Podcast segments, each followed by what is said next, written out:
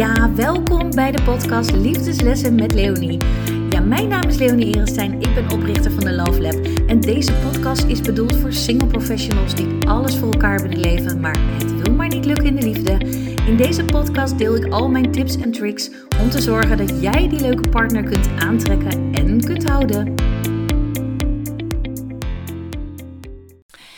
Ja, welkom bij weer een nieuwe podcast. En eh, vandaag gaan we het hebben over bindingangst en hoe het zo eng kan zijn als de liefde dichtbij komt en er spontaan een soort error 404 ontstaat.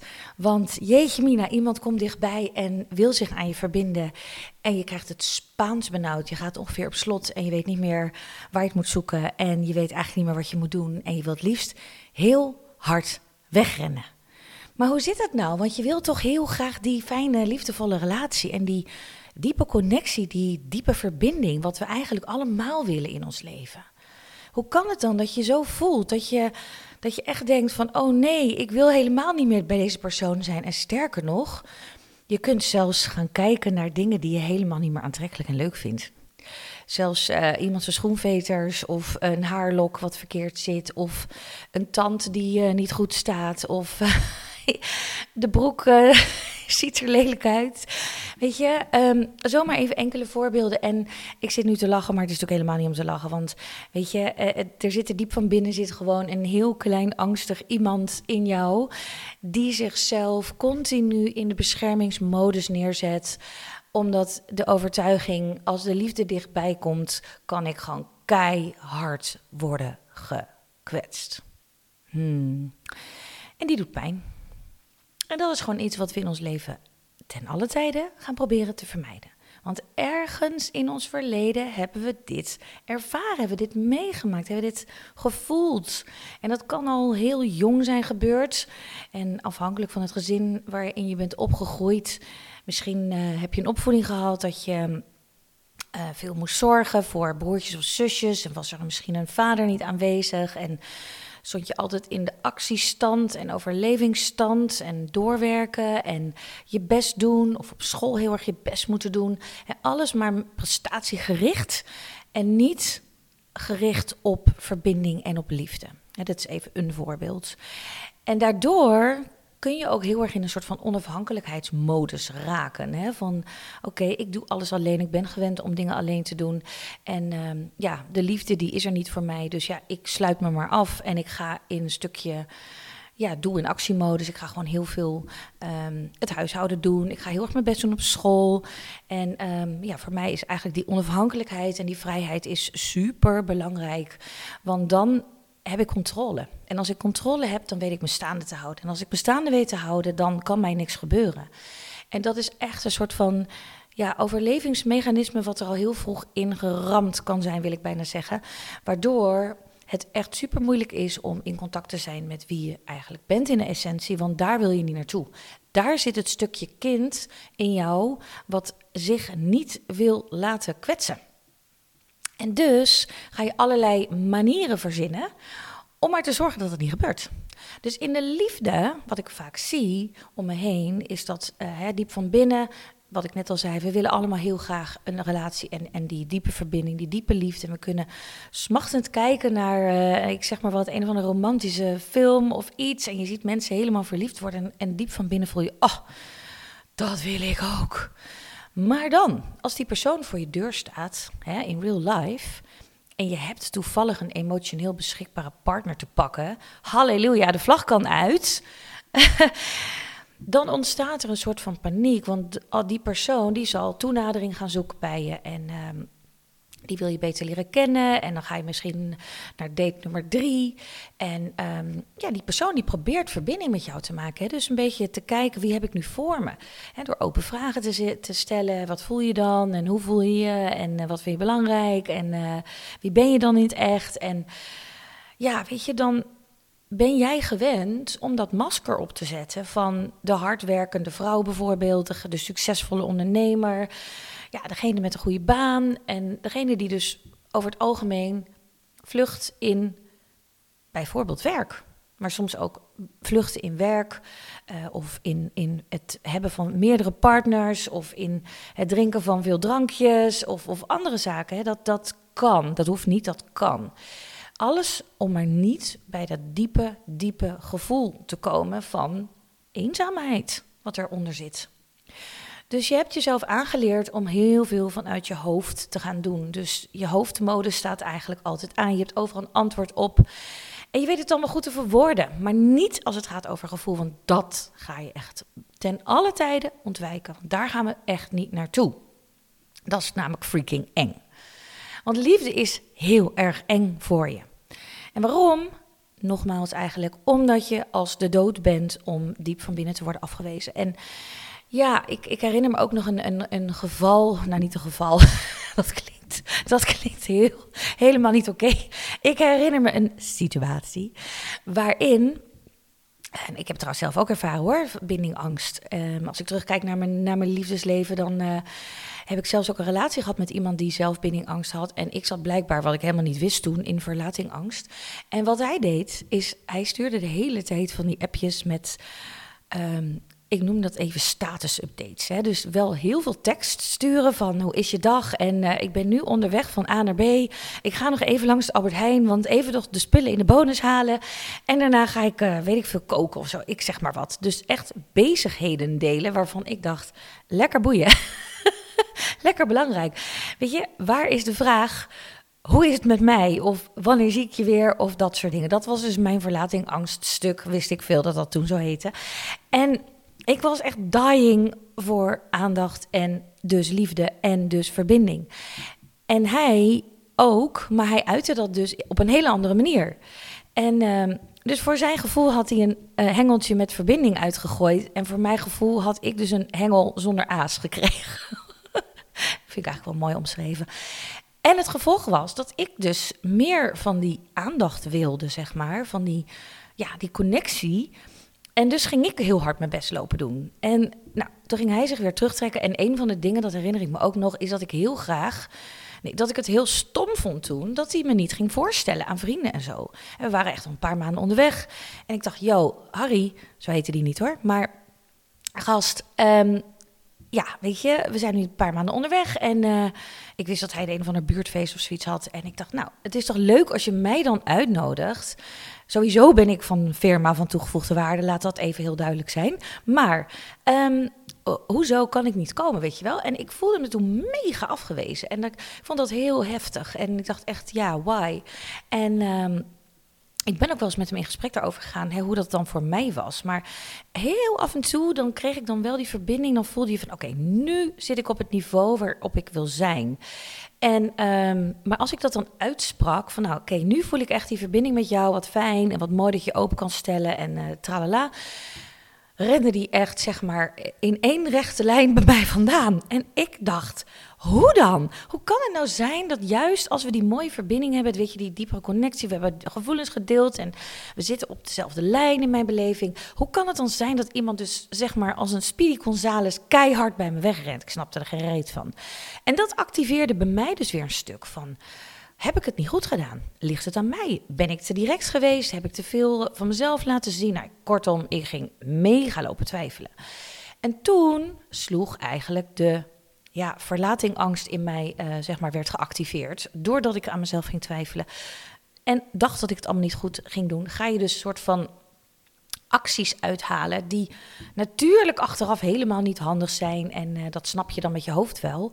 Maar in het moment, in het gevoel, kun je dus je laten leiden door dat stukje onzekerheid, het stukje afwijzing. Want zo voelt dat. Het voelt gewoon als een afwijzing. Ik ben niet goed genoeg, uh, ik heb het verkeerd gedaan. Um, ja, dat, dat soort vraagstukken komen dan boven. En vervolgens, als je die in de activatiemodus zet, ga je dus achter iemand aanlopen en rennen. Ga je verhaal halen, ga je appjes sturen en probeer heel lief te doen. Of, uh, maar alles is gekunsteld. He, alles komt vanuit een plek van diepe, diepe, diepe afwijzing en onzekerheid en, en dikke vette pijn. En leegte en eenzaamheid. Ja, dat is ruk. En goed, lang verhaal kort. Ik zat op een gegeven moment zo in, zelf in deze dynamiek. En ik besloot dus hier uh, mee te stoppen. Omdat ik voelde, dit is het niet voor mij. Dit gaat niet de goede kant op. En ik heb, ik heb werk aan de winkel, weet je wel. Dit, uh, dit is niet goed. En uh, dus dat aantrekken, afstoten, aantrekken, afstoten, dat eh, wil ik gewoon niet meer. Dus ik heb het gestopt en ik ben er echt, zeg maar... Ik heb helemaal iemand losgelaten. Dat kon ik toen heel goed. En ik wist ook hoe ik dat moest doen. En dat lukte me ook heel erg goed. En ehm, nou, is even een voorbeeld van, van hoe dingen kunnen gaan en, en hoe je kunt voelen in dit stuk. Want ik herken het ook echt bij, bij, bij klanten van mij. En ik heb ook iemand die um, ja, heel lang iemand naar huis heeft gestuurd, zeg maar, toen ze net uh, met, met, met deze persoon was. Omdat hij was, zeg maar, de stabiele, uh, laat ik het zo maar even benoemen. Dus degene die emotioneel beschikbaar was, degene die consistent was in zijn gedrag, degene die liefdevol was, degene die hengeltjes uit, uit uh. Wel met aas eraan, om het maar even zo te zeggen. Weet je, hij was super liefdevol naar haar. En um, zij kreeg alleen een beetje blinde paniek vanuit een stukje ja, bindingangst. Van ja, wacht even, je komt nu wel dichtbij.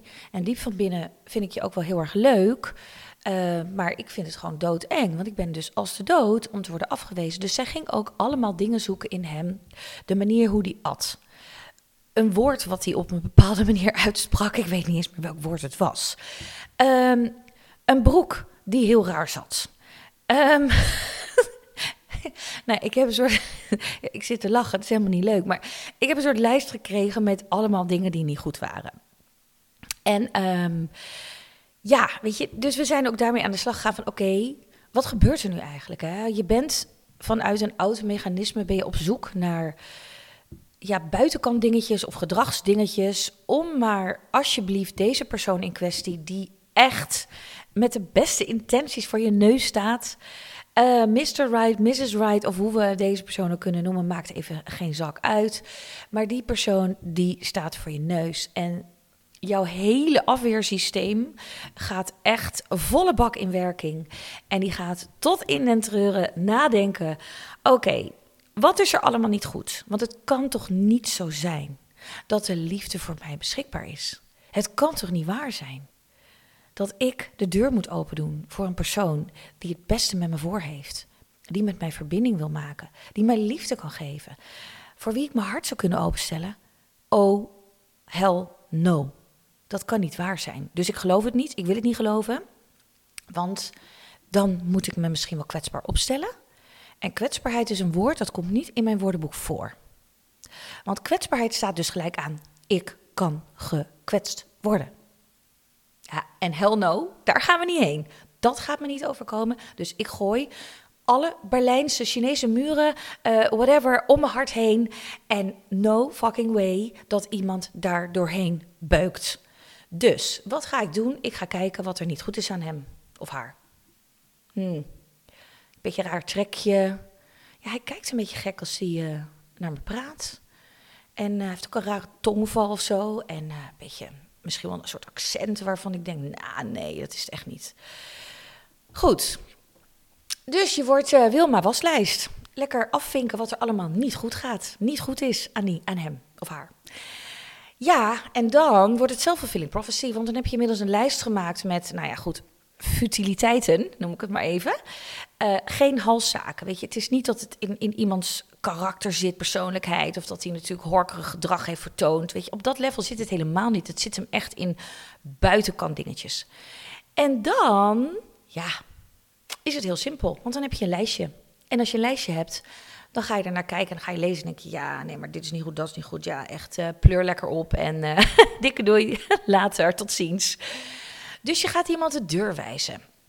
Want dat is lekker makkelijk. Weet je, want dan hoef je je niet open te stellen. En dan heb je ook weer een goed verhaal voor jezelf. Ja, dit was hem niet. Want ik voel meteen dat dit hem niet gaat worden. Want ja, dat voel je toch meteen, heb je jezelf verteld. Dat dit hem niet gaat worden. Hmm, is dat zo? Nee, dat is niet zo. Dat is niet zo. Je hebt niet onderzocht of dit de persoon is met wie je samen kan of wil zijn op de lange termijn. Want die lange termijn strategie is namelijk freaking eng. Want dan kun je afgewezen worden. Dus ja, weet je, dit is een beetje, het cirkeltje is dan een soort van rond. En um, ga je allerlei manieren verzinnen om maar niet in die verbinding te gaan. En is het ook weer een dikke vette opluchting op het moment dat je kan zeggen dat het stopt. En dan ga je gewoon door naar de volgende. En dan gaat het hele circus zich opnieuw herhalen. Of je gaat vluchten in allerlei, nou ja, uh, dingen wat ik in, in, al eerder noemde. Bijvoorbeeld in kortstondige relaties. Dus heel veel seksgerelateerde uh, ja, relaties. Omdat dat veilig voor je voelt. Want dat is namelijk niet die diepe verbinding. Wel de lusten, niet de lasten. Want als de lasten erbij gaan komen in je hoofd dan. Hè, dus als, die, als de verbinding er zou kunnen zijn. Oh, hell no. Weet je, dus dit is wat goed voelt, goed voelt voor je. En je kunt ook nog in een soort van dynamiek terecht raken. Wat ik al eerder vertelde in deze podcast. Is dat je dus um, iemand te pakken hebt. En uh, jouw bindingangst projecteert zich op die ander. Hè? Dus je, je denkt, oké, je komt maar lekker niet dichterbij. Die ander gaat zich dus terugtrekken. En vervolgens schiet jij dus in. Ja, maar wacht even. Als die ander weg gaat lopen, dat is niet de bedoeling. Want ik wil in de lied zijn. Want controle houden is voor jou veilig. Want dat is wat je hebt geleerd. Zelfstandig zijn, onafhankelijk zijn. En als iemand jouw onafhankelijkheid aantast, hell no. Nee, nee, dat gaan we niet doen. En ik blijf lekker in mijn hoofd zitten, want dat is veilig. Dan kan ik lekker alles overanalyseren. Dan kan ik alles vertellen aan mezelf wat er allemaal niet goed is. Maar ik ben natuurlijk absoluut niet naar mijn gevoel gegaan, want dat is een hele onveilige plek. Maar ondertussen zit hier nog wel een soort van passievol waakvlammetje, wat, wat heel graag gezien, gehoord, geliefd wil worden en ook serieus genomen wil worden. Maar je hebt alle strategieën, zeg maar, aangeleerd om te zorgen dat je niet bij dat stuk kwetsbaarheid, dat gevoel, die openheid hoeft te komen. En dit is exact waarom het niet lukt in de liefde.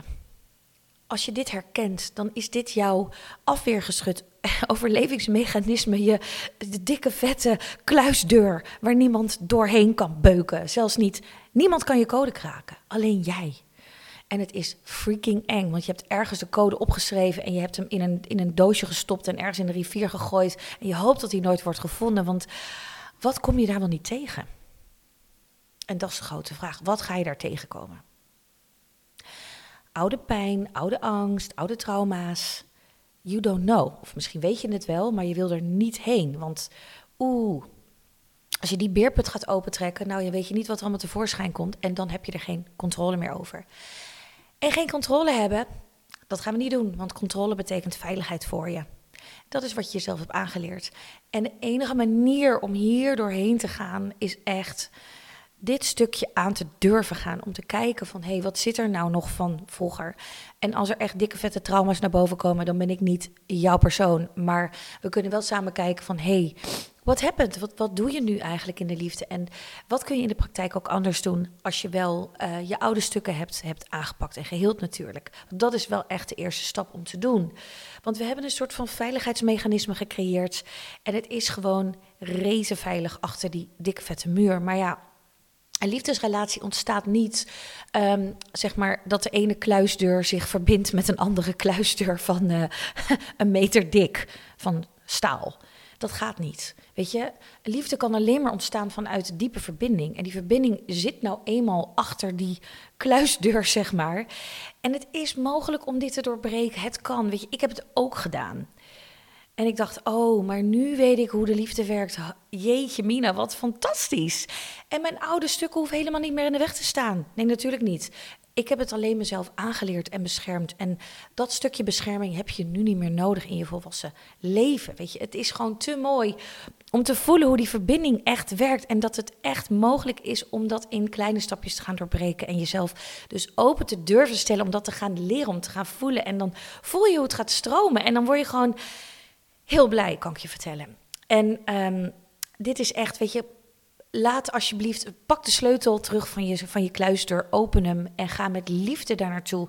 Want het is ook heel mooi daarbinnen. En als je dat stuk aandurft te gaan, dan gaat echt nou, dan, dan breekt eigenlijk de hemel open, wil ik bijna zeggen. Maar dan kun je dus die mooie verbindingen maken. En dan ga je ook andere partners aantrekken. Want nu trek je de partner steeds aan. Um, ja, god, hoe zou ik ze noemen? De, de, de, de, de, de bankovervallers. die, die met, weet ik veel, met, met geweld of zo. Ja, geweld is niet het goede woord hier in deze strekking. Oké, die willen zeg maar de kluis kraken. En het lukt niet, weet je. Dus uh, ze komen ook niet binnen bij jou en dan duwen ze maar weer weg. En um, ja, dat zijn ook niet de juiste personen die de sleutel in handen hebben. Dus je trekt steeds de verkeerde personen aan. En daardoor blijf je in een soort van ongezonde dynamiek zitten. Waar je dus niet uit gaat komen. En je hoofd weet wel dat je eruit wil. En die zegt ook: Oh ja, ik weet het allemaal wel. En ik weet dat ik dingen van vroeger heb. En ik weet dat ik onafhankelijk ben en de boslady en, en, en heel erg van mijn vrijheid hou en ik ben als de dood, dat weet ik allemaal. Ja, dat is al heel goed. Hè? Bewust, bewustzijn, bewustwording is echt absoluut een hele goede eerste stap. Maar het gaat juist ook om die vervolgstappen. Want hoe ga je dan zorgen dat je je kluis gaat um, openen? Weet je, dat je de code weer tevoorschijn haalt. Of überhaupt de code gaat, gaat maken om de kluis te gaan openen en bij je diepste, binnenste gevoel te gaan komen. Wat nu in je hoofd bestempeld is als freaking eng. Um, maar wat wel, zeg maar, mag gaan veranderen. Want anders blijf je de rest van je leven opgesloten achter een kluisdeur. En dat is denk ik niet de positie waarin je wil zitten, toch? Als je benieuwd bent hoe je dan bij dat stuk kan komen, als je benieuwd bent van oké, maar hoe werkt het dan voor mij? Wat moet ik dan anders doen? Um, kun je me helpen om alsjeblieft zeg maar die, die stappen te nemen? Want ik vind het freaking eng om een kluisdeur te gaan openen. Natuurlijk. Maar het kan. Het kan. Het is er ook voor jou en je zult je gewoon bevrijd voelen. Ook al denk je nu van ja, maar ik heb nu de vrijheid en ik heb nu de controle. Het zal wel met je mooie praatjes. Hmm. Nou, neem dan in ieder geval de eerste stap om het te gaan onderzoeken. En boek dus daarom bij mij alsjeblieft een uh, gratis intake in. Want dan gaan we even kijken van, hey, hoe ziet het bij jou achter de kluister eruit? Uh, zodat ik je kan helpen met de juiste stappen daarin te zetten. En als er andere hulp nodig is, uiteraard stuur ik je dan naar een professional toe. Alright. Hey, dankjewel. Je kunt je gratis sessie boeken. Dus een doorbraaksessie heet dat. Op www.calendly.com slash The Love Lab met T-H-E slash let's streepje date. Ik hoop je te zien en uh, het zou heel fijn zijn als je een review achterlaat uh, bij deze podcast. Dat helpt mij weer om uh, ja, nog meer mensen te inspireren. En je mag deze podcast natuurlijk ook delen. Dus daarvoor hartelijk dank. Dankjewel voor het luisteren naar mijn podcast. Super fijn dat je erbij was. En mocht je dit nou waardevolle content vinden, laat het me alsjeblieft weten door een review te posten op iTunes of in Google Play. Door het zoeken naar de podcast Liefdeslessen met Leonie. Ben je heel erg dankbaar. En als je me ook wil volgen op Instagram, dan kan ook lovecoach underscore Leonie. Voor nog meer tips, tricks en mooie filmpjes. Dankjewel.